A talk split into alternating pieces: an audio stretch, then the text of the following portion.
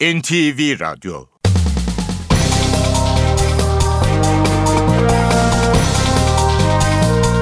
İşe Giderken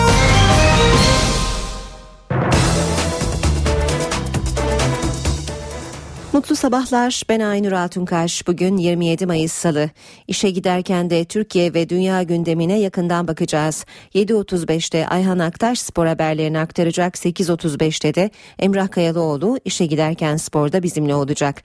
Gündemin başlıklarıyla başlayalım.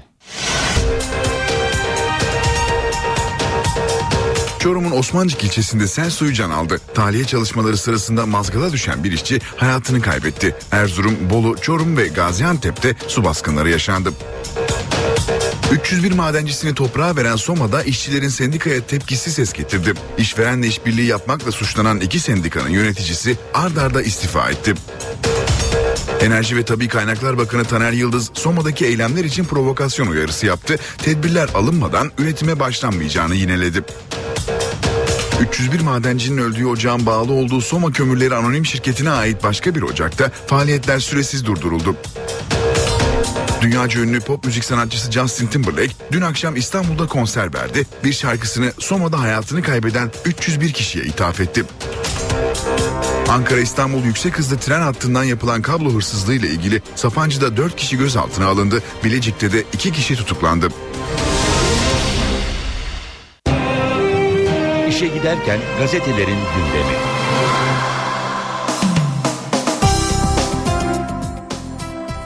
Hürriyet gazetesiyle basın özetlerine başlıyoruz. Tüketici devrimi diyor Hürriyet manşette. Yarın yürürlüğe girecek olan yeni tüketiciyi koruma kanunu vatandaşın mal ve hizmet alımındaki mağduriyetini giderecek çok önemli maddeler içeriyor. Başlıklar halinde sıralamış. Gazete, bankalar artık müşterilerine aidatsız ve masrafsız bir adet kredi kartı hizmeti sunmak zorunda.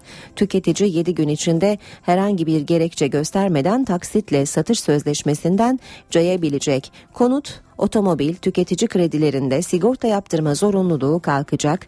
Tüketici kredisi kullananlar 14 gün içinde gerekçe göstermeden bu sözleşmeden vazgeçebilecek. Seyahat acenteleri turu iptal eder ya da taahhütlerini yerine getirmezse müşterinin parasını iade edecek. İnşaat firmaları yapı ruhsatı almadan ön ödemeli konut satış sözleşmesi yapamayacak. Aboneliklerde sözleşmeler artık otomatik olarak yenilenemeyecek. Piramit sistemi denilen saadet zinciri şeklinde ürün ve hizmet satışı tamamen yasak olacak gibi yenilikler var yeni tüketici kanununda. Yine hürriyetten bir başlık İsrail'e balyoz. Türk mahkemesi 2010'da Mavi Marmara gemisinde 9 kişinin öldüğü saldırı ile ilgili davada 4 İsrailli komutan için tutuklama ve yakalama kararı verdi. Hürriyetten bir başlık daha Palmiye Melisa'nın hakkıydı. Fransız gazetesi 20 dakika Kanda Altın Palmiye kazanan Kış Uykusu filminde başrol oynayan Melisa Söze'nin en iyi kadın oyuncu ödülünü kıl payıyla kaçırdığını yazdı. Gazeteye göre jüri aynı filme iki büyük ödül vermemek için Söze'nin hakkı olan ödülü Julianne Moore'a verdi. Devam edelim hürriyetin ardından Geçelim Milliyet gazetesine. Milliyet'te manşet Berkay'ı ver davası. Soma'da bir yetim iki anne. Babası madende ölen Berkay'ın annesi velayet davası açtı. Çocuğa 10 aydır bakan üvey anne ve ailesi istememişti şimdi çıkar peşinde diyor diyor Milliyet manşet haberinde. First Lady acı paylaştı. Cumhurbaşkanının eşi Hayrun İsagül Soma'ya giderek hayatını kaybeden madencilerin evlerini ziyaret etti. Bir diğer başlık Justin Soma için söyledi. İstanbul muhtemelen Michael Jackson'dan sonra gördüğü en büyük pop yıldızını ve en iyi dansçıyı izledi. Justin Timberlake'in Soma'ya adanan Sonsuza Kadar şarkısıyla 30 bin telefon ışığı İTÜ Arena'da yıldızlar misali parladı. Müzik yer yer bir rock konseri havasındaydı. Gitarlar ve davul ortamı inletti. Milliyetten Justin Timberlake izlenimleri.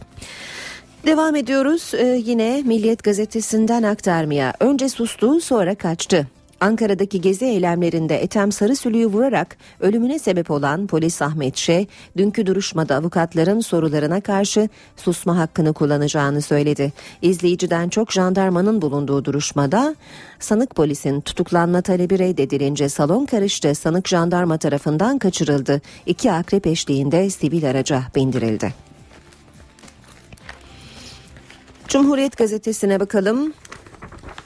CHP TOKİ dosyası için yargıya gitti. TOKİ dosyası CHP'yi de harekete geçirdi. CHP eski Çevre ve Şehircilik Bakanı Bayraktar'ın oğlu Abdullah Oğuz Bayraktar'ın da aralarında bulunduğu 60 şüpheli hakkında takipsizlik kararı verilerek üstü örtülen TOKİ dosyasının yeniden açılması için yargıya başvurdu. CHP İstanbul Milletvekili Erdoğdu dosyanın üstünü örten savcılığın yasal dinleme kayıtlarıyla elde edilen delilleri hukuka aykırı kabul etmesinin yasalar gereği mümkün olmadığını vurguladı diyor Cumhuriyet haberinde. Yine Cumhuriyet'ten bir başlık kırmızı kriz e, Mavi Marmara davasında İsrail'i komutanlar için kırmızı bülten kararı. Gazze'ye insani yardım taşıyan gemiye İsrail askerleri tarafından düzenlenen kanlı saldırı ile ilgili davada dönemin İsrail Genelkurmay Başkanı Deniz ve Hava Kuvvetleri komutanlarıyla istihbarat başkanı hakkında yakalama kararı verildi. Sanıklar için kırmızı bültende çıkarılacak. Kararın iki ülkenin anlaşmaya yakın olduğu dönemde gelmesi dikkat çekti. Sırada Sabah gazetesi var. İşte paralelin Türkiye imamı diyor Sabah manşette. Lakabı demir yumruk olan Türkiye imamı Mustafa Özcan paralel yapının Fethullah Gülen'den sonraki en etkili ismi. Gülen grubunun kara kutusu olarak bilinen Mustafa Özcan örgütün en büyük 7 abi arasında yer alıyor ve tüm kozmik bilgiler onda toplanıyor. Gülen gibi emekli vaiz olan Özcan 10 yıl süreyle Hava Kuvvetleri Komutanlığı imamlığı yaptı diyor Sabah gazetesi haberinde. Yine sabahtan bir başlık uzlaşı hamlesi. Köşk seçimi öncesi yeni akil insanlar başbakana toplumsal çözüm önerileri sunacak. Erdoğan köşke çıkarsa heyet danışma kurulu olacak. Başbakan Erdoğan Cumhurbaşkanlığı seçimi öncesinde yeni akil insanlar heyetiyle bir araya gelecek. Hazirandaki buluşmanın gündemi köşk seçimi süreci ve güncel sorunlar olacak. Erdoğan'ın Cumhurbaşkanı seçilmesi halinde de akil insanlar heyeti köşkün danışma kurulu gibi çalışacak ve önemli konularda Erdoğan'a görüş bildirecek. Eşe dosta ikram da satıcılık sayılır. Yargıtay'ın gerekçeli Deniz Seki kararı ünlü şarkıcı arkadaşlarına uyuşturucu ısmarlayınca cezası arttı deniyor haberin ayrıntılarında. Habertürk'le devam ediyoruz. Aranıyorlar başlığı manşette Habertürk'te Mavi Marmara davasında eski Genelkurmay Başkanı dahil İsrail'i dört komutana yakalama kararı çıktı. Kırmızı bülten de istenecek. 54 bin Kuzey Kıbrıslıya oy attırmadılar. Rum yönetimi Avrupa Parlamentosu seçimlerinde oy kullanma hakkı olan 56 bin Kıbrıslı Türk'ün 54 binine oy attırmadı. Bahane olarak adres sorunu denildi. Türk parlamenter adayları Rum İçişleri Bakanı'yla tartıştı diyor Habertürk. Bir başka başlık yayaya geçiş üstünlüğü.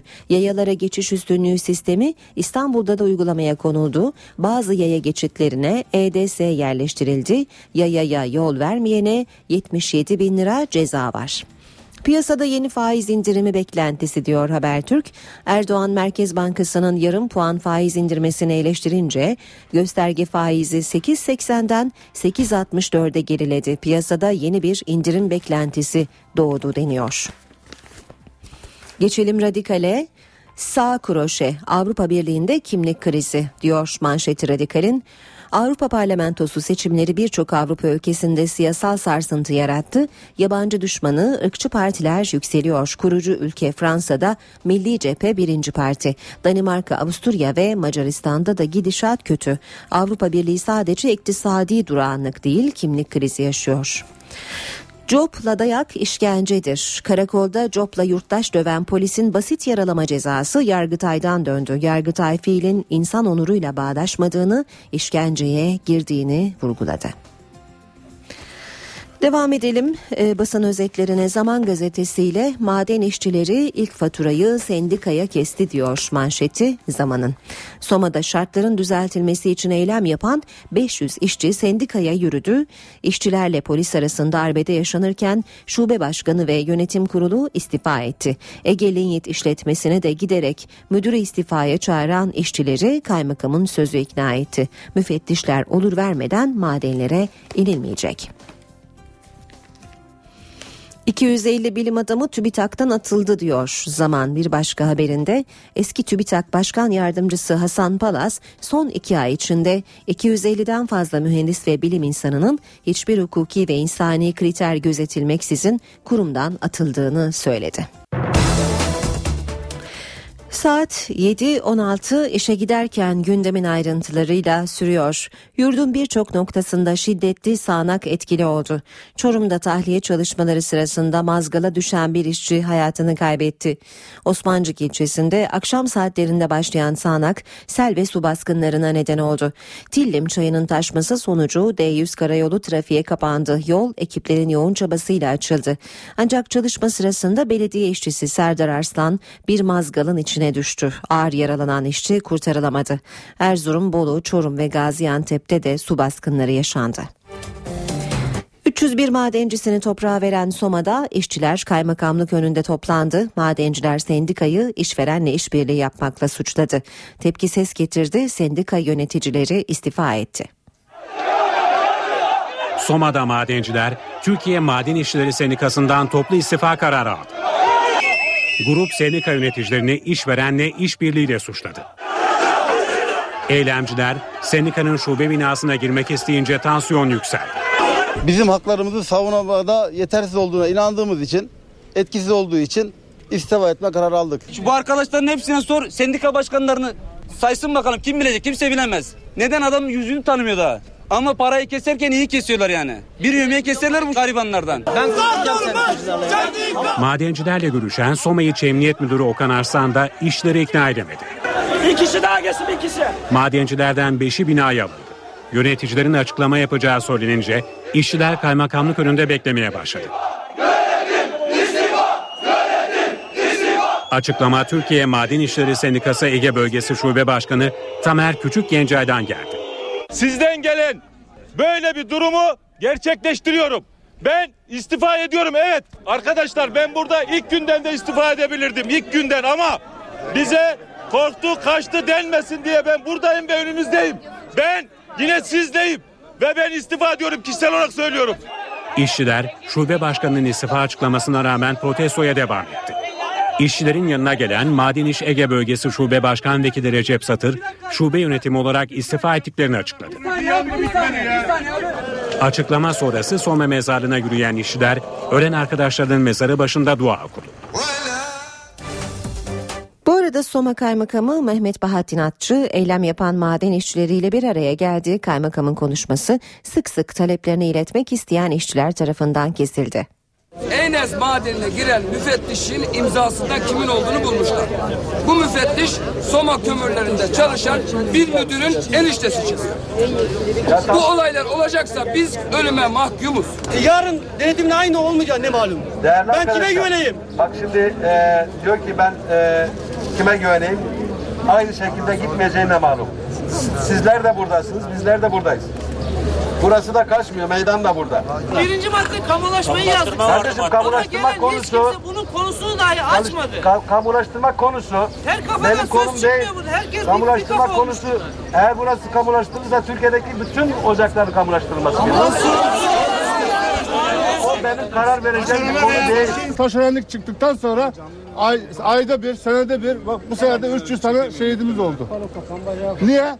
Bir kilo kömür fazla çıksın. Sendika yönetimi istifa ettiğini söyledi. Zaten siz yeni bir yönetim seçeceksiniz. Hayır biz yönet, yönetim istemiyoruz.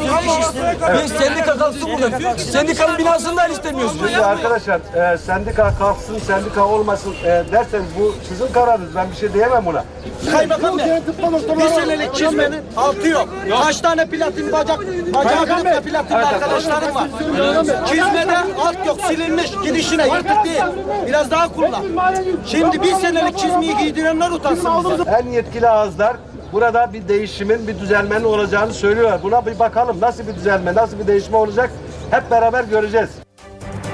Enerji ve Tabi Kaynaklar Bakanı Taner Yıldız Soma'daki eylemleri değerlendirdi, provokasyon uyarısı yaptı. Bakan Yıldız, tedbirler alınmadan üretime başlanmayacağını bir kez daha vurguladı. Orada e, işçi sağlığı, iş güvenliği ile alakalı e, tedbirlerin tamamı çalışma müfettişlerimiz tarafından onaylanmadan orada kömür üretimi yapılmayacak demiştik. Zaten buna uyuyoruz ama e, işçi kardeşlerimizin haricinde provokasyon için oraya gelenlerin olduğunu görüyorum. Provokasyona müsaade etmemiz e, mümkün değil arkadaşlar. Biz orada işçi kardeşlerimizin o durumuna çözüm getirmek açısından e, ne tür şeyler gerekiyorsa onları konuşuyoruz. Bir de farklı konularla uğraşacak halimiz yok.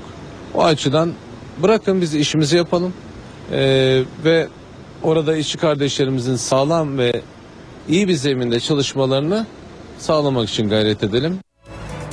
301 madencinin öldüğü ocağın bağlı olduğu şirkete ait bir başka madende faaliyetler süresiz durduruldu. Ocak eksiklikler giderilene kadar kapalı kalacak. Soma kömürleri anonim şirketine bağlı Atabacası madeni kapandı. Nedeni müfettişlerin tespit ettiği eksiklikler. Bu kazanın meydana geldiği Ocak'ta üretim faaliyeti durdu. Aynı firmanın Atalar Bacası denen ocağında da şartlar düzeltilinceye kadar faaliyeti durduruldu. Manisa Soma'da SMS'lerle mesaiye çağrılan işçilerin tedirgin olup gitmediği madene müfettişler girdi. Çalışma ve Sosyal Güvenlik Bakanlığı İş Teftiş Kurulu Başkanlığı ekibi Ocak'ta inceleme yaptı. İş güvenliğine aykırı hususlar olduğu belirlenen Ocak'ta faaliyet süresiz olarak durduruldu. Müfettişlerin maden faciasının yaşandığı ocağa komşu İmbat madeninde de inceleme yapması bekleniyor. Işıklardaki ocağa da yarın arkadaşlarımız demin yaptığım görüşmede girecekler. Faaliyetini durdurduğu ocaklarda işçilerimizin maaşları devam edecek arkadaşlar. Soma Kömürleri Anonim Şirketi'nin Işıklar ve Atabacası ocaklarında faaliyetin 1 Haziran'da başlaması planlanıyordu. İşe giderken Türkiye'nin batısında cumartesi günü meydana gelen 6,5 büyüklüğündeki depremin artçıları sürüyor. Son olarak gece 0.48'de merkez üssü Ege Denizi olan 4,1 büyüklüğünde deprem meydana geldi. Çanakkale Gökçeada'da vatandaşlar hala endişeli. Merih Akın Gökçeada'dan izlenimleri. 6,5 büyüklüğündeki deprem en büyük hasarı Gökçeada'ya verdi. 108 binanın ağır hasarlı olduğu ilçede çok sayıda evde çatlaklar oluştu. Bize hasarlı evleriniz çıkın dediler. Otel temin ettiler. Otelde kaldık. Yemek yapıyoruz, çamaşırımızı yıkıyoruz. Gene gidip kalıyoruz orada. Gökçeada'nın Rum köyü Tepeköy. En çok hasarın olduğu yerlerden birisi de burası. 33 ev ağır hasarlı. Burada ise başka bir sorun var. O sorun da bölgenin kentsel sit alanı olması. Hasarlı evler için nasıl bir yol izleneceği koruma kurulunun yapacağı incelemeyle netleşecek. Türkiye'yi seviyoruz, adayı seviyoruz. Beraber yaşamak istiyoruz. Ölen var, öksüz kalıyorlar. Biz öyle bir şey görmedik. Nerede yani. çıkarlar? Soma'da mı? Ne, ne, ya görmedik, bakmadık. Kaç kişi gitti. Onlar yardım istemiyorlar biz. Ne kadar şeyimiz, kuvveti, kuvvetimiz varsa yaptıracağız. Kızılay olayın hemen ardından Tepeköy'de ihtiyaç duyulan bölgelere çadırlar kurdu. Buranın şeyler kaymakam olsun, e, jandarma olsun, belediye başkanımız olsun, sağ olsun, Kızılay olsun. Hemen hemen geldiler, ilk andan geldiler, bize çadır kurdular. Deprem anında yaralanan 321 kişiden 12'sinin tedavisi de sürüyor. Van'da da saat 3.16'da 4,3 büyüklüğünde deprem meydana geldi. Başbakanlık Afet ve Acil Durum Yönetimi Başkanlığı'ndan yapılan açıklamada merkez üssü Van il merkezi olan depremin Bağdaşan, Karaağaç, Ermişler, Derebey ve Akçift köylerinde de hissedildiği belirtildi. Başbakan Erdoğan partisinin köşk adayının Haziran ortasında açıklanacağını söyledi. Muhalefetin köşk seçimi turları ise sürüyor. MHP lideri Devlet Bahçeli, Meclis Başkanı Cemil Çiçek'le bir araya geldi. Yaklaşan Cumhurbaşkanlığı seçimi siyaseti hareketlendirdi. Gözler AK Parti'de. Başbakan Recep Tayyip Erdoğan, Haziran ortası gibi adayımızı açıklayacağız dedi. Başbakan Erdoğan, Cumhurbaşkanlığı seçimi öncesinde hem sivil toplum kuruluşlarıyla bir araya gelecek, hem de yurt dışındaki gurbetçilerin nabzını tutmak için oradaki STK temsilcilerini Türkiye'ye davet edecek. Görüşmelerin önümüzdeki hafta olması bekleniyor. Ama hangi STK'larla görüşeceği henüz planlanmadı. Muhalefet köşk seçimiyle ilgili başlattığı turlarına devam ediyor. CHP Genel Başkanı Kemal Kılıçdaroğlu 29 Mayıs Perşembe günü Müsiyat ve Tuzkon'u ziyaret edecek. Kılıçdaroğlu'nun randevu listesinde AK Parti dışındaki diğer siyasi partiler de var. CHP'de Eskişehir Büyükşehir Belediye Başkanı Yılmaz Büyükerşen başta olmak üzere kulislerde konuşulan bazı isimler var. Bunlardan biri de Kemal Derviş. CHP lideri Kılıçdaroğlu'nun ekonomik gelişmelerle ilgili olarak yakın zamanda Derviş'le bir araya gelecek olması CHP'nin adayı Derviş mi sorusunu gündeme getirdi. Sadece Cumhuriyet Halk Partisi kaygılı seçmenlerin değil, AKP'li seçmenlerin de evet benim cumhurbaşkanımdır diyebileceği aday geliyor. Zaman zaman e, Sayın Genel Başkanımız e, e, Sayın e, Kemal Derviş'le e, sürekli görüşmeler yapıyor. Belki e, bu dönem tabii Cumhurbaşkanlığı seçimi takvimi olduğu için herkes bir anlam çıkarabilir. Çatı aday formülüyle tartışma yaratan MHP lideri Devlet Bahçeli'nin de köşk turu devam ediyor. Meclis Başkanı Cemil Çiçek'le bir araya gelen Bahçeli şimdi de siyasi partileri ziyaret edecek. İlk durağı Saadet Partisi olacak. Bahçeli AK Parti'nin yanı sıra HDP'ye de gitmeyecek. İstanbul'da geçen hafta düzenlenen eylemler ve polis müdahalesinde iki kişinin hayatını kaybettiği olayların ardından dün 3 ilçede şafak operasyonu düzenlendi. Polisin Ok Meydanı, Sancaktepe ve Gazi Mahallesi'nde yaptığı baskınlarda 5'i çocuk 32 kişi gözaltına alındı. Baskınlarda 3 tabanca, bir av tüfeği, 2 el yapımı parça tesirli bomba ele geçirildi. Gezi olayları sırasında polis kurşunuyla hayatını kaybeden Ethem Sarısülüğün katil zanlısı dün hakim karşısındaydı. Sanık polis susma hakkını kullandı. Sanığın tutuklu yargılanmasına dönük talep reddedildi. Duruşma salonunda zaman zaman arbede yaşandı. Gezi eylemleri sırasında başına isabet eden polis kurşunuyla hayatını kaybeden Ethem Sarısülük'ün katil zanlısı polis memuru Ahmet Ş. 5. duruşmaya geldi, susma hakkını kullandı. Daha önceki duruşmalar gergin geçmişti. Polis bu nedenle önlemleri artırdı. Adliye çevresinde kuş uçurtulmadı. CHP'li bazı milletvekillerinin yanı sıra Gezi Parkı olayları sırasında ölen Ahmet Atakan ve Berkin Elvan'ın ailesi de duruşmayı izlemek üzere adliyedeydi. Zanlı polis memuru Ahmet Ç. ilk duruşmaya tanınmamak için peruk ve gözlükle katılmıştı. Sonraki duruşmalara güvenlik gerekçesiyle gelmedi. Telekonferans yöntemiyle ifade verdi. Ama bu kez mahkemenin talebiyle salondaydı. Sanık polis memuru duruşma boyunca konuşmadı. Sarı Sulük'ün avukatları sorularını tek tek sordu. Ama sanık tüm sorulara susma hakkımı kullanmak istiyorum diyerek cevap verdi. Ethem Sarı Sulük'ün annesi Sayfi Sarı Sulük tepki gösterdi. Yüzüme bak nasıl yaptın anlat diye sana seslendi. O sırada gözyaşlarını da tutamadı. Umudum yıkıldı. Etemimi alıp gidemedim. Ben Avukatlar mahkeme heyetine Sarı Sürük'ün ölüm anının yer aldığı görüntüleri izletti ve sanık polisin kasten adam öldürmekten tutuklu olarak yargılanmasını istedi. Ancak mahkeme heyeti talebi reddetti. Bir sonraki duruşmanın 7 Temmuz'da yapılmasına hükmetti. Bu kararla birlikte duruşma salonu karıştı. Sanık polis memurunun salondan çıkartılması sırasında arbede yaşandı. 10 kişinin hayatını kaybettiği Mavi Marmara baskını davasına bakan mahkeme dönemin İsrail Genelkurmay Başkanı da dahil 4 sanık hakkında yakalama kararı çıkardı.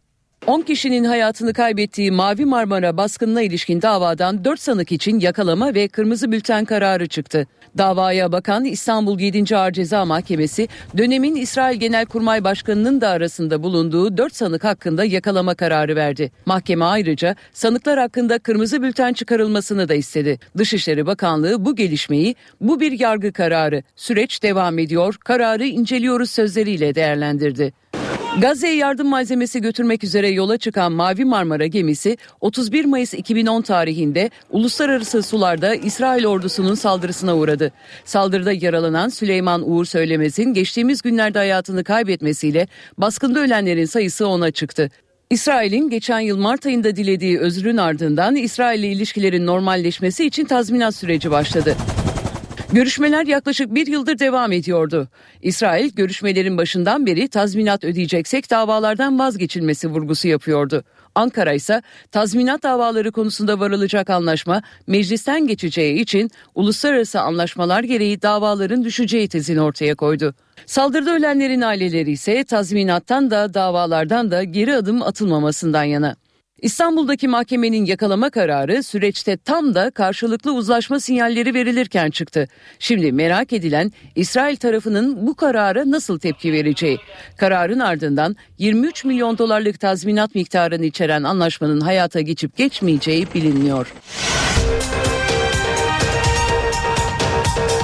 Çorum'un Osmancık ilçesinde sel suyu can aldı. Tahliye çalışmaları sırasında mazgala düşen bir işçi hayatını kaybetti. Erzurum, Bolu, Çorum ve Gaziantep'te su baskınları yaşandı. 301 madencisini toprağa veren Soma'da işçilerin sendikaya tepkisi ses getirdi. İşverenle işbirliği yapmakla suçlanan iki sendikanın yöneticisi ard arda istifa etti. Enerji ve Tabi Kaynaklar Bakanı Taner Yıldız Soma'daki eylemler için provokasyon uyarısı yaptı. Tedbirler alınmadan üretime başlanmayacağını yineledi. 301 madencinin öldüğü ocağın bağlı olduğu Soma Kömürleri Anonim Şirketi'ne ait başka bir ocakta faaliyetler süresiz durduruldu. Dünyaca ünlü pop müzik sanatçısı Justin Timberlake dün akşam İstanbul'da konser verdi. Bir şarkısını Soma'da hayatını kaybeden 301 kişiye ithaf etti. Ankara-İstanbul yüksek hızlı tren hattından yapılan kablo hırsızlığı ile ilgili Sapancı'da 4 kişi gözaltına alındı. Bilecik'te de 2 kişi tutuklandı.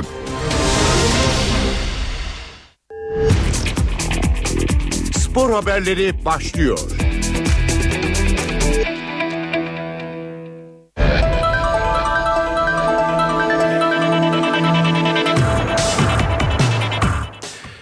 Günaydın ben Ayhan Aktaş. Spor gündeminden gelişmelerle sizlerle birlikteyiz. Gençlik aşısı tuttu. 2016 Avrupa Şampiyonası elemelerine hazırlanan A milli takım az oyuncuların yokluğunda oynadığı iki hazırlık maçını da kazandı. Ay yıldızlı formayı yine giymeye yeni giymeye başlayan Ahmet İlhan Özek her iki maçta da gol atmayı başardı. 2016 Avrupa Şampiyonası elemelerine hazırlanan A milli takımının yaz kampına gençler damga vuruyor. Burak Yılmaz ve Semih Kaya'nın sakatlıkları, Arda Turan'ın Atletico Madrid'le Şampiyonlar Ligi finaline gitmesi, Volkan Demirel'in izinli olması nedeniyle teknik direktör Fatih Terim birçok yeni oyuncuya milli takım kapısını açtı. As oyuncuların yokluğunda aday kadroya Karabük Spor'dan Ahmet İlhan Özek'le İshak Doğan ilk kez çağrıldı. Akisar'dan Uğur Demirok'un yanı sıra Bundesliga'da iyi bir sezon geçiren Hakan Çalhanoğlu da davet edildi. Türkiye Futbol Direktörü Fatih Terim Eskişehir Spor'dan Tarık Çamdal ve Kasımpaşa'dan Adem Büyü ikinci kez milli takıma çağırdı. Avrupa ayağındaki ilk maçında Kosova ile karşılaşan milli takım rakibi rahat bir oyunun ardından 6-1 mağlup etti. Karşılaşmada ilk kez milli takım forması giyen Ahmet İlhan Özek maçın ilk golünü atarken diğer goller Bilal Kısa, Olcay Şahan, Mustafa Pektemek ve Alper Potuk'tan geldi. İkinci maçında İrlanda ile karşılaşan Ay Yıldızlar maçı 2-1 üstünlükle tamamladı. Ay Yıldızlı forma altında ikinci kez sahaya çıkan Ahmet İlhan Özek, Kosova'nın ardından Kuzey İrlanda ağlarında boş geçmedi. Diğer gol ikinci kez milli takım formasını giyen Tarık Çamdal'dan geldi. Milli takım havuzunu genişleten Fatih Terim'in Avrupa Şampiyonası elemelerinde de göze giren genç isimlerden faydalanması bekleniyor. Galatasaray'ın transfer listesindeki İshak Doğan için kulübü Karabükspor yeşil ışık yaktı. As Başkan Ahmet Gölbek, cazip tek- teklif gelmesi halinde değerlendireceklerini söyledi. Transfer çalışmalarını sürdüren Galatasaray Karabükspor'dan İshak Doğan'ı kadrosuna katmak istiyor. Milli sol bek için Sarı Kırmızılılar girişimde bulunmaya hazırlanırken Karabükspor kulübünden de olumlu yanıt geldi. As Başkan ve basın sözcüsü Ahmet Gölbek, İshak Doğan için şu ana kadar kendilerine gelen resmi bir teklif olmadığını söylerken ama cazip bir teklif geldiğinde oturup konuşuruz dedi. İshak Doğan'ın 2012-2013 transfer döneminde kendileriyle 3 yıllık sözleşme imzaladığını hatırlatan Gölbek, son günlerde milli futbolcumuzun transferi konuşuluyor. Bize gelen resmi bir teklif yok. Herhangi bir görüşme yapılmadı. Karabükspor kurumsal bir takımdır ve profesyoneldir. Bize kimden gelirse gelsin, hangi futbolcumuza gelirse gelsin oturup konuşuruz açıklamasını yaptı. Milli takımla birlikte Amerika Birleşik Devletleri'nde bulunan 23 yaşındaki İshak Doğan savunmanın solunda oynuyor. Genç futbolcu Karabükspor forması giydiği 3 sezonda 64 lig maçına çıktı ve 2 gol attı. Sivas Spor Başkanı Mecnun Otyakmaz'ın şike süreciyle ilgili Trabzonspor'u suçlayıcı açıklamalarına Fenerbahçe'den destek geldi. Sarı Lacivert Kulübün açıklamasında Mecnun Otyakmaz'ın futbolun gerçekleri adına yaptığı açıklama ve haklı isyan tarafımızdan sonsuz destek ve takdirle takip edilmektedir. Bu açıklamaların ortaya koyduğu gerçek yeniden ve adil yargılama hakkından kimlerin neden ve nasıl bu kadar rahatsızlık duyduğunun anlaşılmasıdır. Artık açıkça görüldüğü üzere bu sıradan bir rahatsızlık değil bir korkudur denildi. Fenerbahçe kulübü konuyla ilgili hukuki girişimi yapmaya hazır ve kararlı olduğunu da duyurdu. Beşiktaş Başkanı Fikret Orman siyah beyazlı takımın 40 milyon liralık vergi borcuna şahsi kefil olarak kulübün UEFA lisansı almasını sağladı. Başkan Fikret Orman kefil oldu. Beşiktaş UEFA lisansı aldı. Son iki sezonda aldığı cezalar nedeniyle Avrupa kupalarında boy gösteremeyen Beşiktaş, yeni sezon öncesi de vergi borçları nedeniyle böyle bir durumla karşı karşıya kalacaktı. Başkan Fikret Orman noter kanalıyla 40 milyon liralık vergi borcuna kefil oldu ve siyah beyazlıların UEFA lisansını almasını sağladı. Orman Beşiktaş'ın 24 Mayıs'taki Mali ve İdari Genel Kurul'da konuyla ilgili açıklamalarda bulunmuş ve şunları söylemişti. Sen bunları ödemediğin takdirde UEFA kriterleri var. Sen biliyor musun ki son UEFA kriterleri alınırken ben noterden vergi dairesine 40 milyon TL'sine şahsi olarak kefalet verdim. Veriyorlar mı zannediyorsun o kağıtları? Sen onu ödemediğinde ben gidip Yıldırım Demirören'e charge edeceğim diyorsun ki mecbursun ödemeye. Ödemediğin takdirde UEFA şimdi Şampiyonlar Ligi yarı final Şampiyonlar Ligi'ne gideceğiz Allah'ın izniyle. Nasıl katılacağız? Nasıl lisans alacağız? 31 Mart'ta Türkiye Futbol Federasyonu'na teslim edilen belgelerin hazırlanması sırasında Şampiyonlar Ligi şansının da devam etmesi UEFA kulüp lisansını daha da kıymetli hale getirmişti. Noter aracılığıyla gerçekleştirilen bu kefalet sonrasında maliyeden istenen yazı alındı ve Türkiye Futbol Federasyonu aracılığıyla UEFA'ya teslim edildi. Trabzonspor'da transfer çalışmaları sürüyor. Bordo Maviller, Elazığ Sporlu Serdar Gürler'le prensipte anlaştı. Bordo Mavillerin gündeminde Eskişehir Sporlu Erkan Zengin ve Tarık Çamdal da var. Trabzonspor Başkanı İbrahim Hacı Osmanoğlu ile bu sezon PTT 1. Lige düşen Elazığ Spor'un başkanı Selçuk Öztürk, İstanbul'da Serdar Gürler için yaptıkları zirvede anlaşma sağladı. Bordo Mavililer 22 yaşındaki orta saha oyuncusunun bonservisi için 1 milyon euroluk teklif yaptı. Elazığ Spor 2 milyon euro istedi. Görüşmeler sonunda anlaşma sağlanırken rakam açıklanmadı. Bu görüşmenin ardından Serdar Gürler'le görüşen Bordo Mavililer futbolcuyla da anlaşmaya vardı. Birkaç gün içerisinde Trabzon'a gelmesi beklenen Serdar'ın sağlık kontrolünden sonra resmi imzayı atması bekleniyor. Öte yandan Bordo Mavililer Eskişehir Sporlu Erkan Zengin ve Tarık Çamdalı da istiyor. İki futbolcu için kırmızı siyahlı kulübe teklif yapıp cevap beklemeye başlayan Trabzonspor yönetimi takas formülünü de devreye sokmak amacında. Eskişehir Spor'un Trabzonspor'un genç oyuncuları Abdülkadir ve Caner'i yakından takip ettiği, buna karşın Tarık Çamdal ve Erkan Zengin'i yüksek bir bonservis bedeliyle satmayı düşündüğü ifade edildi. Bu arada Trabzonspor'un Ajax'ın 19 yaşındaki Türk futbolcusu Serhat Çakmak'ın transferinde de önemli aşama kaydettiği ve transferin birkaç gün içerisinde netlik kazanacağı bildirildi. Önceliği teknik direktörü belirlemeye veren Bursa Spor'da iki isim ön plana çıktı. Yeşil Beyazlar, Şenol Güneş ve Abdullah Avcı isimleri üzerinde duruyor. Bursa Spor'da teknik direktör arayışları devam ediyor. Recep Bölükbaşı Başkanlığındaki yönetim kurulu ilk olarak eski milli takım teknik direktörü Şenol Güneş'e temasa geçti. Yapılan ilk görüşmenin olumlu geçmesi üzerine taraflar İstanbul'da görüşme kararı aldı. Bursa Spor Kulübü Yönetim Kurulu Şenol Güneş'le anlaşma sağlayamazsa listede yer alan bir diğer isim Abdullah Avcı ile temasa geçecek. Gençler Birliği Teknik Direktör Mehmet Özdilek'le yollarını karşılıklı anlaşarak ayırdı. Ayrılığın gerekçesi transfer politikası üzerinde anlaşılamaması. Gençler Birliği Teknik Direktör Mehmet Özdilek'le devam etmeyecek.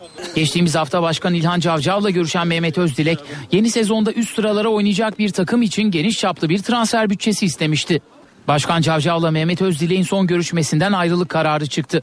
Takım planlaması üzerinde anlaşma sağlayamayan taraflardan Mehmet Özdilek ayrılmak istediğini Başkan İlhan Cavcav'a iletti. Bunun üzerine iki taraf sözleşmeyi karşılıklı olarak feshetti. Özdilek ayrılma kararının gerekçelerini paylaştı. Gelecekle ilgili planlarımızı başkanla oturup konuştuk. Tabii özellikle e, perf gerekli performans alamadığımız yabancı oyuncuların gönderilmesi ve gelecekle ilgili planlamada, hedeflerde çok orta noktada buluşamadığımızdan dolayı e, yollarımızı ayırma kararı verdik. Kulübün de kendine göre düşünceleri, planlamaları var. Bu planlama çerçevesinde çok orta noktayı bulamadık. Ayrılıklar bazen hüzünlü oluyor, bazen gerekli oluyor. Dolayısıyla her iki taraf için de hayırlı olsun. Vakit kaybetmeden teknik direktör arayışlarına başlayan Gençler Birliği yönetimi Okan Buruk ve Kemal Özdeş'i gündemine aldı. Ve basketbol Fenerbahçe Ülker 2 sezon sonra finale çok yakın Pınar Karşıyaka karşısında seride 2-0 önde olan Sarı Lacivertli takım bu akşam İzmir'de oynanacak 3. maçı kazanırsa finale çıkacak. Karşılaşma Pınar Karşıyaka için ise ya tamam ya devam maçı olacak. Türkiye Erkekler 1. Basketbol Ligi playoff yarı final mücadelesinde Pınar Karşıyaka ile Fenerbahçe Ülker serinin 3. maçında İzmir'de karşı karşıya gelecek. Karşıyaka Arena'daki maç saat 20'de başlayacak. Seride Fenerbahçe Ülker saha avantajını iyi kullanarak evindeki iki maçı 88-69 ve 94-83'lük skorlarla kazanarak 2-0 öne geçti. Sarı lacivertli takım İzmir'deki randevudan da üstün ayrılması halinde iki sezon sonra finale çıkacak. En son şampiyon olduğu 2010-2011 sezonunda final oynayan Fenerbahçe Ülker daha sonraki iki yılda playoff'a çeyrek finalde veda etti. Sarı lacivertlileri geçen sezon eleyen takım Pınar Karşıyaka olmuştu. Mücadele Yeşil Kırmızılılar içinse tamam ya da devam maçı olacak. İzmir'de Fenerbahçe Ülker'e karşı son 3 maçını kaybetmeyen Pınar Karşıyaka bu kez de kazanarak seriye tutunmak ve final şansını sürdürmek için ter dökecek. Ancak karşılaşmayı Karşıyaka'nın cezası nedeniyle sadece kadın ve çocuklar izleyebilecek. Toplam 3 galibiyete ulaşacak ekibin finale yükseleceği eşleşmede gerekirse 4. maç 29 Mayıs Perşembe günü yine Karşıyaka Arena'da 5. maçsa 1 Haziran Pazar günü İstanbul'da oynanacak. Bu haberimizde spor bültenimizi tamamlıyoruz. İyi günler diliyoruz. NTV Radyo Herkese yeniden günaydın. İşe giderken de yeni saate başlıyoruz. Birazdan Gökhan'a buradan son hava tahminlerini alacağız. Önce gündemin başlıkları. Çorum'un Osmancık ilçesinde sel suyu can aldı. Tahliye çalışmaları sırasında mazgala düşen bir işçi hayatını kaybetti. Erzurum, Bolu, Çorum ve Gaziantep'te su baskınları yaşandı. 301 madencisini toprağa veren Soma'da işçilerin sendikaya tepkisi ses getirdi. İşverenle işbirliği yapmakla suçlanan iki sendikanın yöneticisi ard arda istifa etti. Enerji ve Tabi Kaynaklar Bakanı Taner Yıldız Soma'daki eylemler için provokasyon uyarısı yaptı. Tedbirler alınmadan üretime başlanmayacağını yineledi. 301 madencinin öldüğü ocağın bağlı olduğu Soma Kömürleri Anonim Şirketi'ne ait başka bir ocakta faaliyetler süresiz durduruldu. Dünyaca ünlü pop müzik sanatçısı Justin Timberlake dün akşam İstanbul'da konser verdi. Bir şarkısını Soma'da hayatını kaybeden 301 kişiye ithaf etti. Ankara İstanbul yüksek hızlı tren hattından yapılan kablo hırsızlığı ile ilgili Sapancı'da 4 kişi gözaltına alındı. Bilecik'te de 2 kişi tutuklandı. Gökhan Abur yanımızda hoş geldiniz Sayın Abur. Merhaba hoş bulduk günaydın. Özellikle İç Anadolu bölgesinde e, 42'indi diye tabir edilen Evet. yağışlar konusunda hep uyarıyordunuz. Ne yazık ki e, Çorum'un Osmancık ilçesinde sel suyuna kapılan e, bir işçi hayatını kaybetti. E, bugün olağanüstü hava koşulları yaşayacak mı ülkemiz?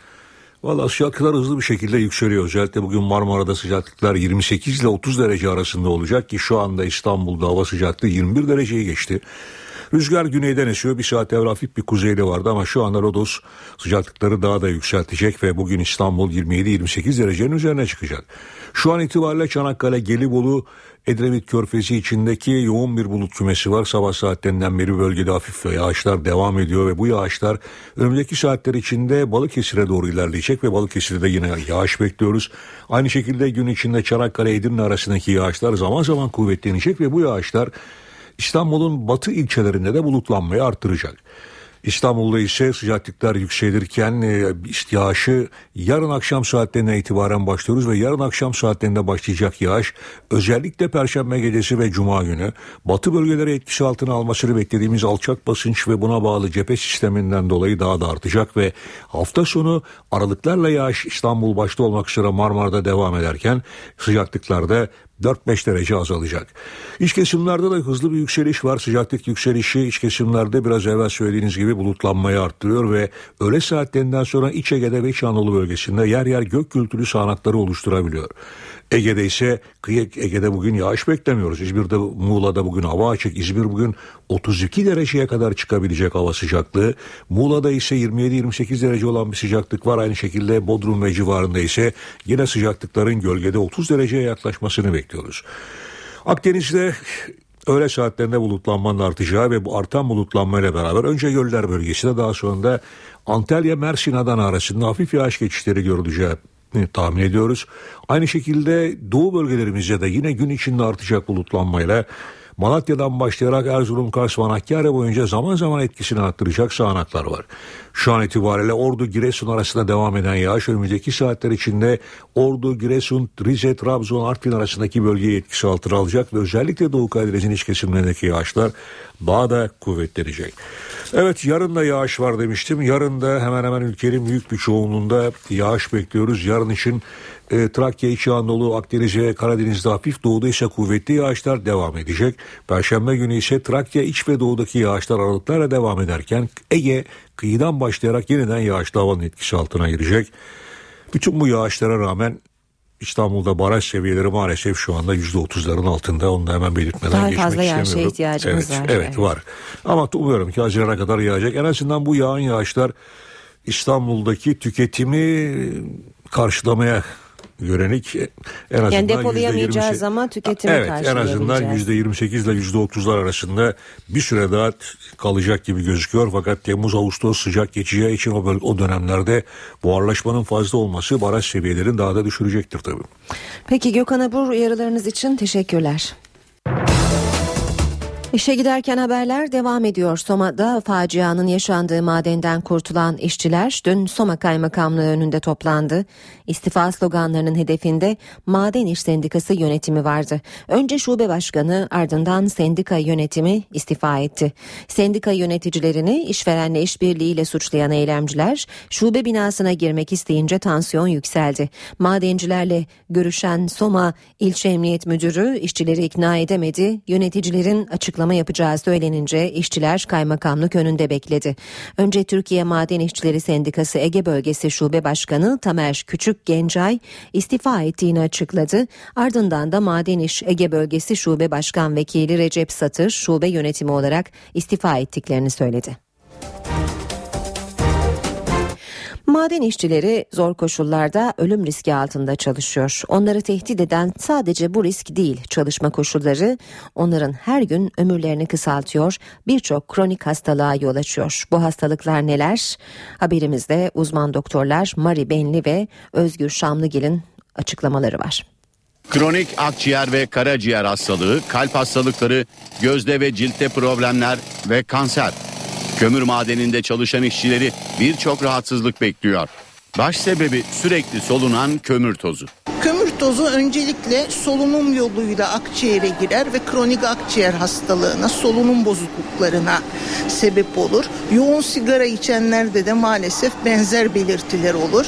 Madende çalışan kişiler bir de sigara içiyorlarsa hastalanma oranları daha yüksek olur. Ciltte gelişen hassasiyet nedeniyle kömür tozuna karşı bazı cilt rahatsızlıkları, dermatitler olabilir. Yine kömür tozundan dolayı gözün tahriş olması ve gözde bazı e, reaksiyonlar meydana gelebilir. Kömür tozu kansere de yol açabiliyor. Bu tür parçacıklar akciğer dokusunda e, bağışıklık sistemini sürekli meşgul ederek iltihap yaratıyorlar. Bu iltihabın uzun süreli olması e, kansere doğru bir gidişata sebep oluyor. Ve karbon monoksit öldürücü düzeyde olmasa da bu gazın azı da zararlı. Düşük dozlarda da solunum hastalıkları, beyinde e, işlevsel algılama bozuklukları, psikolojik bozukluklar, nörolojik bozukluklar hemen hemen vücudun tüm sistemleriyle ilgili hastalıklara sebep olur. Özellikle beyin ve sinir sistemi hücrelerinin yaşlanmasına, yıpranmasına ve ömrünün kısalmasına neden olarak kişinin sağlığını bozulmasına sebep olabilir. Dünyaca ünlü pop sanatçısı Justin Timberlake dün akşam İstanbul'da hayranlarıyla buluştu. Dünya turnesi kapsamında İTÜ Arena'da sahne alan Timberlake eski ve yeni şarkılarını seslendirdi. Sanatçı Soma'da hayatını kaybeden madencileri de unutmadı. Justin Timberlake İstanbul konserinde Soma'da hayatını kaybeden madencileri andı. Bir şarkısını 301 madenciye ithaf eden ünlü yıldız seyircilerden cep telefonlarının ışıklarını yakmasını istedi.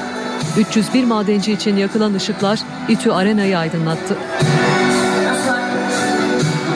7'den 77'ye binlerce kişi dün erken saatlerden itibaren soluğu İTÜ Arena önünde aldı. Konser alanı ünlü isimlerin akınına uğradı. Saatler ilerledikçe stada bağlanan yollarda uzun araç kuyruğu oluştu. Sanatçı yaklaşık 40 bin hayranının karşısına saat 21.15'te çıktı. Zaman zaman piyano ve gitar çalan, bol bol dans eden Timberlake, liste başı olan şarkılarını büyük bir koro eşliğinde söyledi.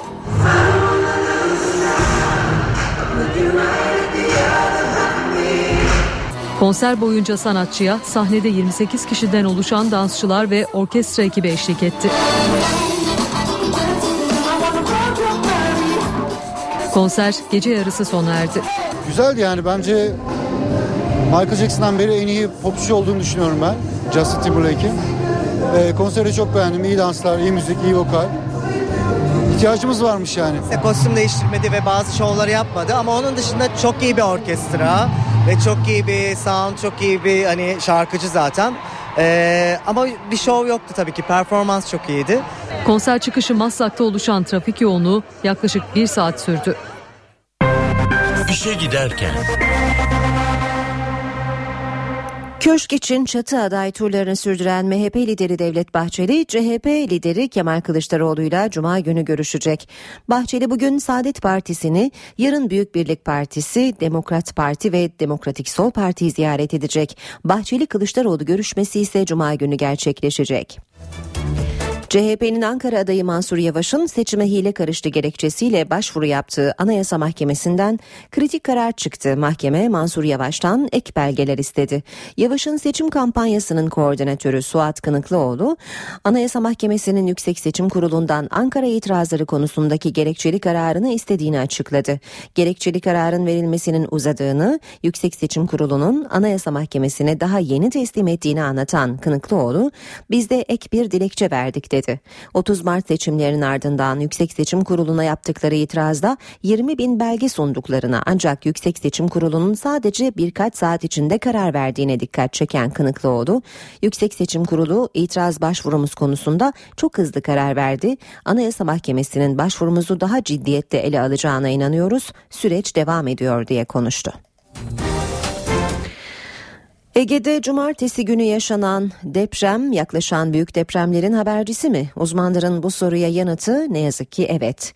NTV muhabiri Gökten Bedük, Profesör Naci Görür ve Profesör Okan Tüysüz'e İstanbul'da beklenen depremi sordu. Değişmeyen bir şey var İstanbul. Deprem bekliyor.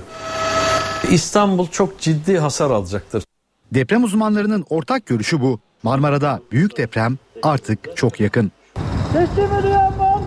Kuzey Anadolu fay hattında tıpkı Marmara gibi 18. yüzyıldan beri kırılmanın yaşanmadığı yani deprem beklenen bir başka yer daha var. Eğer bir fay kırılmışsa 250 sene daha yaklaşık olarak e, önemli deprem üretmez. Kırılmayan iki yer kaldı. Bunlardan bir tanesi Marmara, bir tanesi Yedisu segmenti. Erzincan Bingöl arasındaki 7 su fayı ve Marmara Denizi'nde olası tehlike büyük. En az 7.2 büyüklüğünde deprem bekliyor İstanbul. Depremin büyüklüğü 7.2 ile 7.6 arasında değişecektir. 1999 depreminden sonra kamu binaları, hastaneler, okullar ve viyadükler hızla güçlendirildi. Kentsel dönüşüm süreci başladı ancak İstanbul'da hala 300 bin civarında riskli yapı var.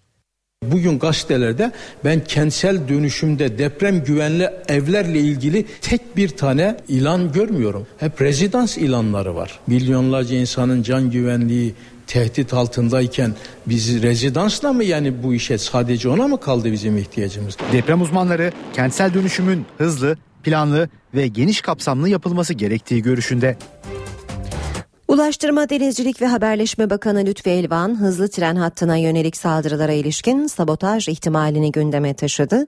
İşte kabloların basit bir aletle kesilmesi mümkün değil diyen Elvan'ın açıklamaları. Ankara-İstanbul yüksek hızlı tren hattı bu ayın sonunda hizmete girecekti. Ama olmadı. Nedeni zarar verilen bazı kablolar. Ulaştırma, Denizcilik ve Haberleşme Bakanı Lütfi Elvan sabotaj ihtimalinin altını çizdi. Yani basit aletlerle o kabloların kesilmesi mümkün değil. Mutlaka e, özel bir aletle bunların kesilmesi gerekiyor. Yani normal büyük bir makas veya makas vari bir şey alsanız bile bunların kesilmesi e, o kadar kolay değil. Çünkü bunlar çok kalın kablolar. Kesilip bırakılması, kanalın içinde bırakılması sabotaj ihtimalinin çok yüksek olduğunu gösteriyor. Kanalların kapakları var. Oldukça ağır kapaklar bunlar. O işte şu kalınlıkta olan çok kalın o kablolar kesiliyor. Valilik ve jandarma güvenlik önlemlerini arttırdı. Ankara İstanbul arasındaki 550 kilometrelik mesafeyi 3 saate indirecek tren seferlerinin Haziran ayının ikinci haftasında başlayacağı belirtiliyor. Bu arada Ankara İstanbul yüksek hızlı tren hattından kablo hırsızlığı ile ilgili denetim ve soruşturma da sürüyor. Sapanca'da kablo çaldıkları öne sürülen 4 kişi gözaltına alındı. Bilecik'te de 2 kişi tutuklandı. Başkent gündemiyle devam edeceğiz. Saat 8.20 ve karşımızda NTV Ankara muhabiri Özgür Akbaş var. Özgür günaydın. Günaydın Aynur. Bugün mecliste grup toplantıları günü yanı sıra MHP lideri Devlet Bahçeli'nin de çatı aday turları devam ediyor. Gündem yoğun neler söyleyeceksin?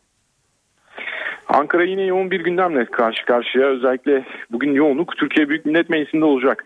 Soma'da yaşanan facianın yansımaları, ok meydanında ölen gençler ki gerilim sürekli tırmanıyor. Cumhurbaşkanlığı seçim süreci. İşte tüm bu ana başlıklar mecliste liderler tarafından ele alınacak gibi gözüküyor. Bugün salı mecliste grup toplantıları günü AK Parti, Cumhuriyet Halk Partisi ve Halkların Demokratik Partisi grup toplantısı yapacak. Bu üç partinin lideri de mesajlarını meclis kürsüsünden verecek. Ancak bir tek grup toplantısı yapmayan parti MHP. MHP lideri Devlet Bahçeli grup toplantısını iptal etti. Kızılcamam'da Ülkücü Şehitler Günü kapsamında Ülkücü Şehitler Anıtı'nı ziyaret edecek ve burada bir konuşma yapacak. Mecliste bugün önemli bir buluşma yaşanacak. Dün MHP lideri Devlet Bahçeli, Meclis Başkanı Cemil Çiçek'le bir araya gelmişti.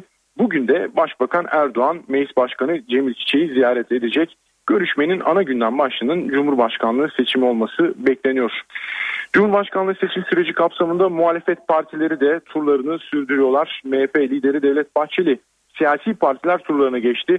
Daha önce Cumhurbaşkanları ile görüşmüştü. Dün Meclis Başkanı Cemil Çiçek'le bir araya gelmişti. Bugün de Saadet Partisi ile bir araya gelecek ama tüm dikkatler Cuma günü yapılacak görüşmede Bahçeli CHP lideri Kılıçdaroğlu'ndan randevu istedi. O randevu Cuma gününe verildi. Bahçeli Kılıçdaroğlu Cuma günü bir araya gelecek. Tabii merakla beklenen konu şu e, iki parti ortak bir aday çıkartabilecek mi? İşte bu sorunun cevabı Cuma günü alınacak gibi gözüküyor. Köşke kim çıkacak? İşte bu sorunun yanıtına ilişkin değerlendirmeleri merak edilen isimlerin başında da Cumhurbaşkanı Abdullah Gül de geliyor hiç şüphesiz. Onun programını da hemen aktaralım. Cumhurbaşkanı bugün önce Norveç Dışişleri Bakanı'nı ardından da Gambiya Büyükelçisi'ni kabul edecek. Gambiya Büyükelçisi'nin Gül'e güven mektubu sunacağı bir etkinlik var. İşte burada habercilerin Cumhurbaşkanı'ndan soru sorma imkanı da olabilecek. Bunu da söyleyelim. Son minut yine meclisten olsun meclis yoğun bir gündemi olduğunu söyledik. Bugün Adalet Komisyonu toplanıyor. Kamuoyuna yeni yargı paketi olarak yansıyan tasarı ele alınacak. 72 maddeden oluşan tasarı alt komisyonda ele alındı ve 20 madde daha eklendi. Hemen hatırlatalım kadın ve çocuklara yönelik suçlarda cezanın iki katına çıkartılmasını öneren bir paket bu, tasarı bu. Ve aynı zamanda Yargıtay'a da neşter atılıyor aynı zamanda bu paketle birlikte. Ve e, Anayasa Mahkemesi'nin iptal ettiği Hakimler ve Savcılar Yüksek Kurulu düzenlemesini de eski e, durumuna e, geçmesine ilişkin e, düzenlemelerde bu paketin içinde yer alacak. Evet Ankara'da öne çıkan gündem başlıkları böyleydi aynı. Özgür teşekkürler. Başkent gündemini Özgür Akbaş'tan aldık. Ekonomi başlığıyla devam edelim. Profesör Doktor Güngör Uras bugün Ayşe teyzeye yoksulluktan bahsedecek. Ayşe teyze ne yapsın? Güngör Uras, Ayşe teyzeye ekonomide olan biteni anlatıyor. Merhaba sayın dinleyenler, merhaba Ayşe Hanım teyze, merhaba Ali Rıza Bey amca.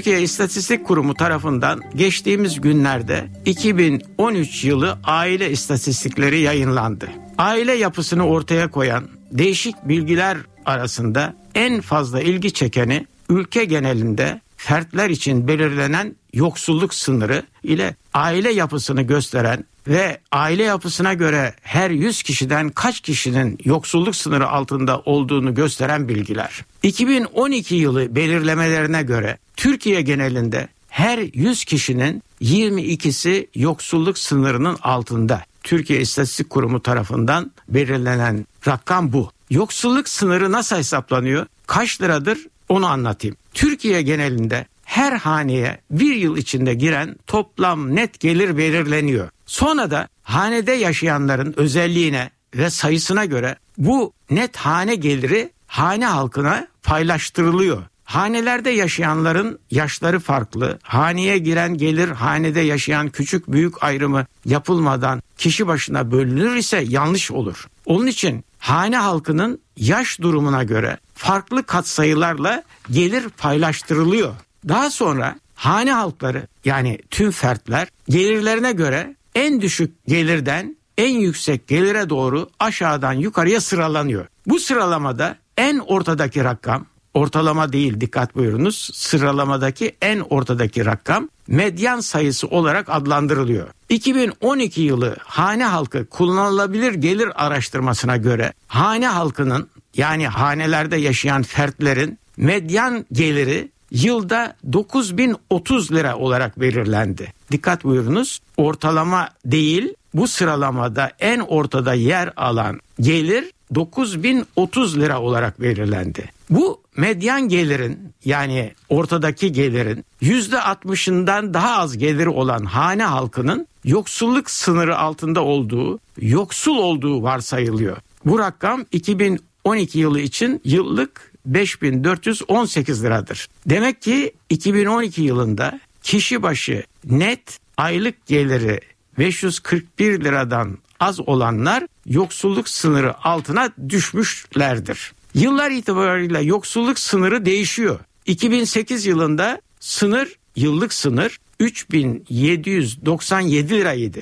Cari fiyatla 2012 yılında 5418 lira olarak belirlendi. 2012 yılı gelir ve yaşam koşulları araştırması sonuçlarına göre nüfusumuzun %22'si yoksulluk sınırının altında. Ailelerin yapısına göre yoksulluk sınırında olanların oranı da değişiyor. Örneğin tek kişilik ailelerde tek başına yaşayanlar da yoksulluk sınırı altında olanlar her 100 kişinin sadece 13'ü. Ama tek kişi olarak yaşayan ve 65 yaşın üstünde olan hane halkı için 100 kişinin 20'si yoksulluk riski altında. Çocuğu olmayan ailelerde yoksulluk riski düşük. Çocuğu olmayan hane halkının sadece yüzde sekizi yoksulluk sınırı altındayken çocuğu olan hane halklarında yoksulluk riski artıyor. Tek ebeveynli en az bir bağımlı çocuğu olan hane halkında yoksulluk riski yüzde otuzu buluyor. İki yetişkenli, üç ve daha fazla çocuğu olan ailelerde hane halkının yoksulluk riski yüzde 48'e kadar yükseliyor. Olumlu gelişme yıllar itibariyle az da olsa hane halkının yoksulluk riskinin azalmasıdır. Bir başka söyleşi de birlikte olmak ümidiyle şen ve esen kalınız sayın dinleyenler. Uras'a sormak istediklerinizi ntvradio.ntv.com.tr adresine yazabilirsiniz. Piyasalara da bakalım BIST 100 endeksi %0,69 değer kazanarak 78.603 puandan kapandı. Bu sabah dolar 2 lira 9 kuruş, euro 2 lira 85 kuruştan işlem görüyor. Euro dolar paritesi 1.37, dolar yen 102 seviyesinde.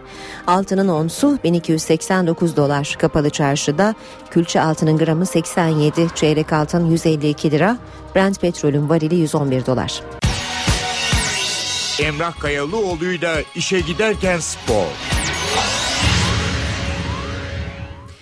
İşe gidiş yolunda spor gündemine bakacağız. Emrah Kayalıoğlu ile beraberiz. Günaydın. Ee, bugün güzel haberler var. Ee, çok çeşitli, bol katmanlı haberler var. Brand Finance'in dünyanın... Önce pardon, e, Ersun Hoca'nın röportajını 10.30'a bırakalım. Milliyet'te iki sayfa Peki. geniş geniş. Onu tek bir konu olarak 10.30'da konuşacağımızı söyleyelim. Pardon sözünüzü kestim Peki. buyurun. E, Brand Finance'in bir aç, e, araştırması var. Dünyanın en değerli 50 futbol kulübü markası e, listesi yayınlandı. E, bu listeyi değerlendirerek e, başlayalım isterseniz bu yayınımıza. Dünyanın en değerli markası e, Bayern Münih. E, bu listede de Galatasaray 17. sırada ve Türk takımları arasında birinci durumda. Fenerbahçe 34, Beşiktaş 43 diye sıralanıyor. Ülke olarak da marka değerleri sıralamasında İngiltere birinci sırada.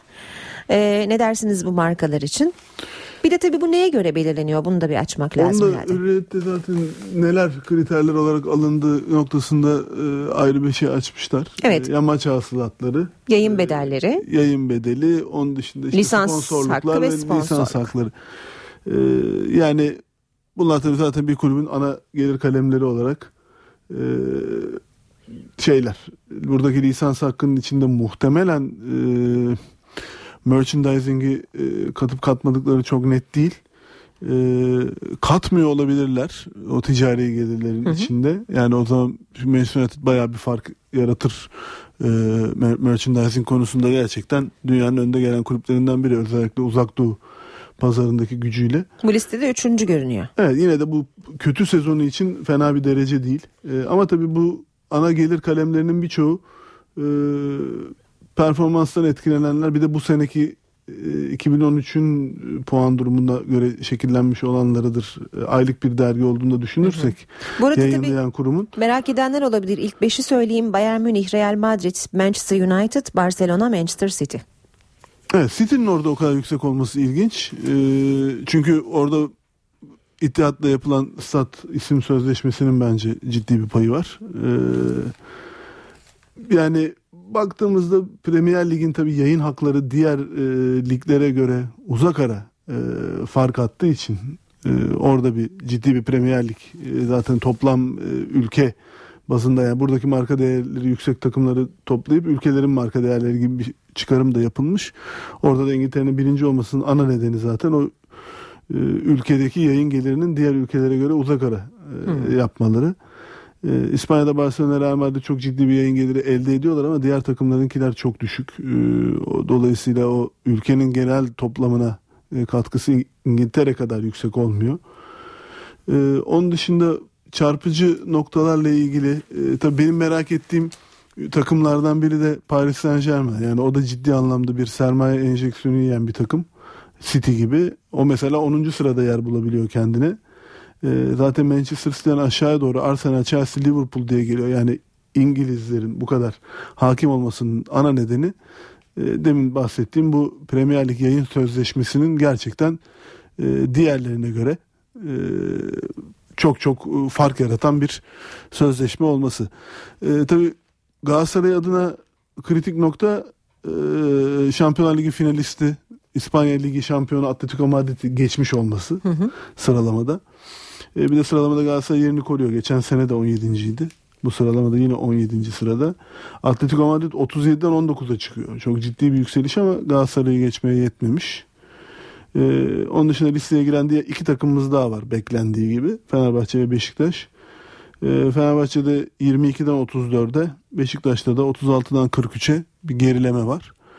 Ee, yani bu sıralamalar tabii çok böyle "Aa, aman aman e, bir veri sunmaz. Yani yüzde yüz doğrudur. İşte dünyanın e, şu sırasındayız, bu sırasındayız gibi bakmak bana çok doğru gelmiyor açık söyleyeyim. Yani e, Türkiye'deki takımların e, marka değerlerinin e, İngiltere, Almanya, İspanya, İtalya, Fransa'dan sonra 6. sırada yer alıyor gibi bir tabloyla karşı karşıyayız ama e, yani bir Portekiz'den e, işte Porto'yu, Benfica'yı çıkarmış bir lig olarak bir Hollanda Ajax'ı Evet. e, PSV'yi Evet. e, işte Alkmaar'ı bileyim Twente'yi çıkarmış bir lig olarak e, yani onları geçiyor olmamız ne kadar rasyonel o da ayrı bir tartışma konusu tabii. Yani bu sıralama ile ilgili.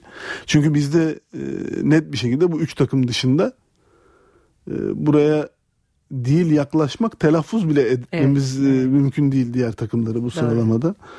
E, o anlamda da işte yani yüzde yüz sağlıklı mıdır bu sıralamalar bir şey ifade eder mi? Çok etmez. Önemli olan e, tabii burada bütün takımlara aynı kriterle yaklaşıp bir sıralama yapmak. O noktada e, yani değerlendirmeleri bizim Türkiye içi değerlendirmelerimizden daha sağlıklı oluyor Avrupa'da Hı hı. tabii ki. Ama bizim sağladığımız datalar ne kadar sağlıklı oluyor? O da işin ayrı da bir tartışma konusu. Her ne kadar kapa bağlıyız işte bütün verileri artık e, doğru bir şekilde vermek zorundayız dense de Yani marka değeri bir yerde işin artık subjektif tarafı. Hı-hı. Biraz orada e, bazı subjektif yargılar da devreye girer. E, o anlamda bütün takımlara benzer kriterlerle aynı subjektif değerlendirmelerle yaklaşıldığı sürece problem değil ama tabii sonuçta ortada bir veridir konuşulması gerekir ama bir süre e, gündemimizde yani belki meşgul Hayatımızı eder. da bu merkezine almamıza gerek yok yani o kadar. ben size çok e, yersiz o, e, olmasın ama bir soru sormak istiyorum. E, şu anda e, dünyada en iyi futbol İspanya'da mı oynanıyor? En iyi futbol... Sorumun gerekçeleri kriter, belli. Kriter burada tabii e, bir rekabetten bahsetmek önemlidir bu kriterde. Şimdi iki tane üç tane takımın alıp koparıp diğerlerinin seyirci kaldığı bir lig en iyi futbolun oynandığı lig midir? Hı hı. Ya o ligden çıkan milli takım dünya şampiyonu oluyor. Herkesin beğenisini topluyorsa o lig en iyi lig midir? Evet. Yani en, bunların hangi iki, kritere... iki takımı Şampiyonlar Ligi'nde final oynuyorsa e, öyle yani, midir? Öyle midir? Yani bunların hep, yani şimdi bu sene İspanya takımlarından e, Avrupa kupalarında İspanyol olmayanı elenen bir takım var. Diğerlerini hep İspanyollar eledi zaten. İşte bunlar düşündürüyor ha, yani o yüzden. Bu, bu zaten bize e, İspanya futbolunun geldiği nokta ile ilgili bize çok sağlam bir verilerden biri de bu. Diğer Hı. ülke takımları baş edemediler İspanyollarla. Evet. Ancak İspanyollar İspanyollar karşılaştığında birinden biri evet, elenecek evet, zaten. Evet. Biri yola devam ediyorken. Ama milli takımları ile ilgili de şunu söyleyeyim yani önümüzde Dünya Kupası var. Hı hı. Ee, yani bu Dünya Kupası ile ilgili Güney Amerika'da bugüne kadar Avrupa takımları hiç şampiyon olmadılar. Ee, yani ağırlıklı favori net bir şekilde Brezilya, Brezilya. olarak ortaya çıkıyor zaten. Ee, ama onların da işte o şu anda Dünya Kupası yaklaşırken ülke içindeki protestolardan olumsuz etkilenme ihtimalleri var. Diğer takımlara göre daha fazla. Ee, yani çeşitli kriterlerle bir e, şu anda kupa öncesi teraziye konuyor takımlar. Hı hı. Ama öne çıkanlar yani Güney Amerika'da Brezilya mutlaka öne çıkıyor. Arjantin tabii Messi artık e, etrafında bir takım oluşturulabilecek mi tartışmasıyla evet. öne çıkıyor. Onun dışında Güney Amerika'dan çok yani böyle iyi iş yapar, yarı final görür diyebileceğimiz takım zor ama Avrupa yine işte Almanya, İspanya, İspanya. İtalya Hı-hı. bunlar mutlaka mutlaka yani ilk 8 için ciddi adaylar. E, hatta yarı final belki final adayları. Ama yani Brezilya dünya şampiyonu olursa en iyi futbol artık İspanya'da oynanmıyormuş gibi bir tüme varıma gitmemek gerekir. Evet. Bu sene Avrupa kupalarının ikisi de İspanya'ya gitti. Ee, yarı finallerde çok ciddi bir egemenlikleri vardı. Finalde Şampiyonlar Ligi'nde ilk defa aynı şehrin iki takımı birbiriyle oynadı. En iyi demeyelim ama yük, bir yükselişin Yok, olduğu aşikar. Süredir, e, şey var, yükselişleri var zaten artık o yani zirvedeler. Oradan Hı-hı. daha yukarı zaten Hı-hı. nereye çıkacaklar ama evet. yani yayın geliri anlamında İngiltere mesela hala İspanya'nın önünde bu takımlar arası rekabet burada bence ciddi bir kriter. Hı-hı. Yani İngiltere'de futbolun temposu daha cazip, seyretmesi daha cazip. Ee, böyle sürpriz sonuçlara daha açık bir lig. Ee, yani bunlar tabii seyredilirliği arttıran faktörler. Evet. İspanya'da da çok ciddi paralar var. İspanya'da da çok önemli futbolcular oynuyor. Ee, yani dünya çapında yıldızlar orada. Ee, İngiltere'den daha çok e, hatta İngiltere'ye şu en son Manchester City enjeksiyonu olmasa e, Chelsea'nin bir şekilde yıllarca Abramovich'ten gelen o para desteği olmasa çoktan yıldızlar anlamında geçerlerdi zaten. Ama şu anda bile işte yani Messi orada oynuyor. Ronaldo İspanya'da oynuyor. Diego Costa orada oynuyor. Yani saydığınızda evet. önemli yıldızlar evet. yine hala İspanya'da. Peki bu soruyla biraz süreden çaldım ama Dünya Kupası'na da giriş yapmış olduk. evet, Zaten ona da yavaş yavaş önümüzdeki hafta artık başlamamız lazım. Evet. Sabah gazetesinde e, yine ilginç haberler var. Beşiktaş Beşiktaş'la ilgili bir haberle devam edelim isterseniz. Beşiktaş'ın borcuna yönelik bir haber. E, 2008-2009'da yaşamıştı son şampiyonluğunu. Sonraki 5 sezonda e, zirvenin uzağında yüksek harcamalara rağmen borçlar 115 milyon liradan 568 milyona yükselmiş. 5 hmm. sezonda 59 transfer yapmışlar ve 200 milyon lira harcamışlar bu transferlere. Buna rağmen hedeften uzaklar. E tabii yani hepsini toplayıp baktığınızda o grafik çıkan ortaya çıkan grafik e, çok e, vahim bir grafik. Yani her ne kadar işte onu grafiğe döktüklerinde e, son dönemde borç artışında bir yavaşlama grafik olarak gözükse de Yine de yükseliş. yine de hala yükseliş yükseliş hala devam ediyor. Ee, ve 5 yılda yaklaşık 4 katına yakın artmış olması pardon 4'ten de fazla 5 katına yakın artmış olması borcun e, yani bu arada bir de sportif başarının gelmemiş olması yani borç artarken sportif başarı gelir elinizde e, geleceğe dönük çok çok iyi bir takım oluşmuştur elde edilen sportif başarılar paraya çevriliyordur ee, o zaman bir mantığı vardır bu işin ama 5 yılda 115'ten 568 milyon TL'ye çıkmış olan borcun içinde sadece o 5. yılın başlangıcında ki şampiyonluğun bulunuyor olması ondan sonra hiç şampiyonluk gelmemiş olması e, Şapkayı o, önümüze koyup düşünelim yani demeliler gerçekten bu yatırımlarla ilgili e, çok çok yani yatırım derken futbolcuların transfer maliyetlerinden bahsediyorum. E, bir yerlerde çok büyük yanlışlar yapıldığını bize çok net bir şekilde gösteriyor. Evet. Ee, Türkiye'de e, görev yapan hocalarla ilgili iki e, başlıklı güzel bir haber var. Biri e, Türkiye'de hocaların ortalama ömrünü e, içeriyor. Ortalama ömrü 7 aymış bir hocanın. E, hemen yanında da yerli hocaya güvenenlerin çok da başarılı olmadığını görüyoruz. Ee, yani ilk haber teknik adamlarla ilgili olan bölümü e, yani orada UEFA'ya üye 46 e, takımı ülkeyi değerlendirmişler. E, şimdi baktığımızda o listeye yani daha böyle kuzey ülkelerinin e, ön planda yani uzun süreli devamla ilgili e, daha daha muhafazakar evet. demeyelim ama daha istikrardan yana e, olduklarını hı hı. görüyoruz. Zaten listenin en tepesinde Kuzey İrlanda var. Ee, ama Türkiye'de 7 aylık süre hakikaten çok vahim bir süre. Bu sezon Süper Lig'de 3 takım 3 tane hoca değiştirdi sezon içinde. Ee, yani şu anda bile işte açın spor sayfalarını bir yandan büyük takımların ile ilgili transfer haberleri şey yazılıp çizilirken e, Galatasaray'da Mancini'nin durumu hala bir soru işareti. Evet. Ne kadar devam ediliyor dense de hala bir acaba var zaten kafalarda. Onun dışında e, Süper Lig'de birçok takımın e, teknik direktör arayışı var şu anda. Daha, hı hı. e, yani sezon Bursa içindeki Şenol Güneş'le evet, Bursa Şenol galiba. Güneş ismi geçiyor. Ne bileyim işte Balıkesir'in hocasının Bursa ile ismi geçiyor. İsmail Hoca'nın Balıkesir'le bir yandan görüşüyor. E, işte Mersin'in Hakan Kutlu'yla bir maçlık e, Süper Lig'e evet, terfiden evet. sonra devam edip etmeyeceği konuşuluyor. E, Büyükşehir Belediye'de Abdullah Avcı'nın ismi geçiyor. Ee, zaten Cihat Hoca ile ayrıldılar yani şu anda hı hı. hoca yok belediyenin başında. Yani şu anda bile Süper Lig takımlarının e, bazılarında teknik adam yok. E, yani yeni sezona yeni hocalar olacak. Yani bu kadar istikrarsız bir yapı ile ilgili hakikaten yani orada değerlendirmeye alınan e, 46 ülkenin içinde 38. olmuşuz. 40 yanılmıyorsam. Yok 46'ya kadar gidiyor. Ha 30 biz 40. Biz 40. olmuş. Ha, pardon, 40. Evet, olmuş. Ee, yani çok çok kötü bir tablo. En yani. fazla tahammül eden Kuzey İrlanda'ymış 86 ayla. Türkiye 7 ay. Yani aradaki evet, farka fark bakın. Müthiş evet. 36 kaç ay dediniz pardon? 86, 86 ayla ay, Kuzey İrlanda. O, o da o da biraz abartı ya. 7 yıldan fazla oluyor. O kadar da yani. Kuzey İrlanda liginde çok ölçü almıyordum. Yani lig Peki. olarak baktığınızda e, yani hakikaten çok sonlarda gelirler yani.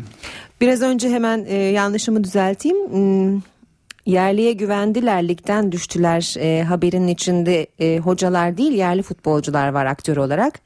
En fazla yerli oyuncu oynatan takımların e, düşme hattında ve kümeden düştüğünü görüyoruz. E, Elazığ ve Antalya bunlardan ikisi. Evet yani çok ilginç bir tablo o tablo. Ee, yani dediğiniz gibi bir de Akisar var aralarında yani en e, az yabancı oynatan Antalya, sonra Akisar, sonra Elazığ. Bu üçünün ikisi düşüyor. Ama listenin tersine baktığınızda orada da en çok yabancı oynatan birinci Bursa, ikinci Kayseri. Kayseri de düşüyor. Hmm.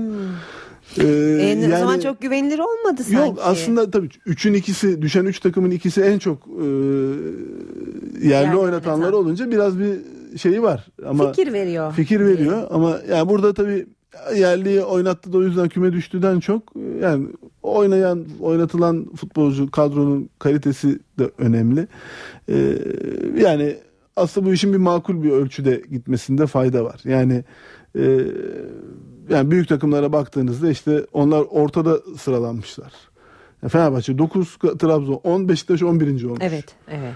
Galatasaray biraz. Üçüncü Galatasaray. Üçüncü en çok oynatan takım olarak orada sıralamada e, büyüklerin dışına çıkıyor. Büyüklerin bulunduğu konumun dışına çıkıyor diyelim. Ama yani o ortadaki grubun da öyle az daha az oynatıyorlar gibi bakmamak lazım. Onların da ortalaması 5 yabancı civarı. Evet. Yani Doğru. zaten bir or, ligin Doğru. ortalaması o civara yerleşiyor. Yani e, ana grubu diyelim yani hı hı. yine 5 civarı yabancı ile oynuyor. Ortalamayı düşürenler zaman... var sadece Antalya Akisar gibi. Bunlar 2.5 2.9 maç başı yabancı futbolcu sayısı. 3'ün altında olanlar var. Onlar bütün ortalamayı aşağı çekiyor biraz ama ligimizin e, ağırlıklı ortalamasının Orta, yoğunluğu 5 evet. yabancıya yoğunlaştığını söyleyebiliriz. Peki şimdi süremiz bitti. Ersun Yanal röportajı var Milliyet Gazetesi'nde. Uzun da bir e, söyleşi olmuş. E, bunu konuşacağız. 10.30'da 10 haber özetlerinden sonra bir de İspanya'nın o La Liga'ya çıkan Eibar takımını da o çok ilginç bir haber. Lazım. Evet. O güzel bir haber yapmışlar fanatikte arkadaşlar. Ee, yani onları bir 10.30'da konuşmak üzere Peki diyelim. o halde hoşçakalın şimdilik. NTV Radyo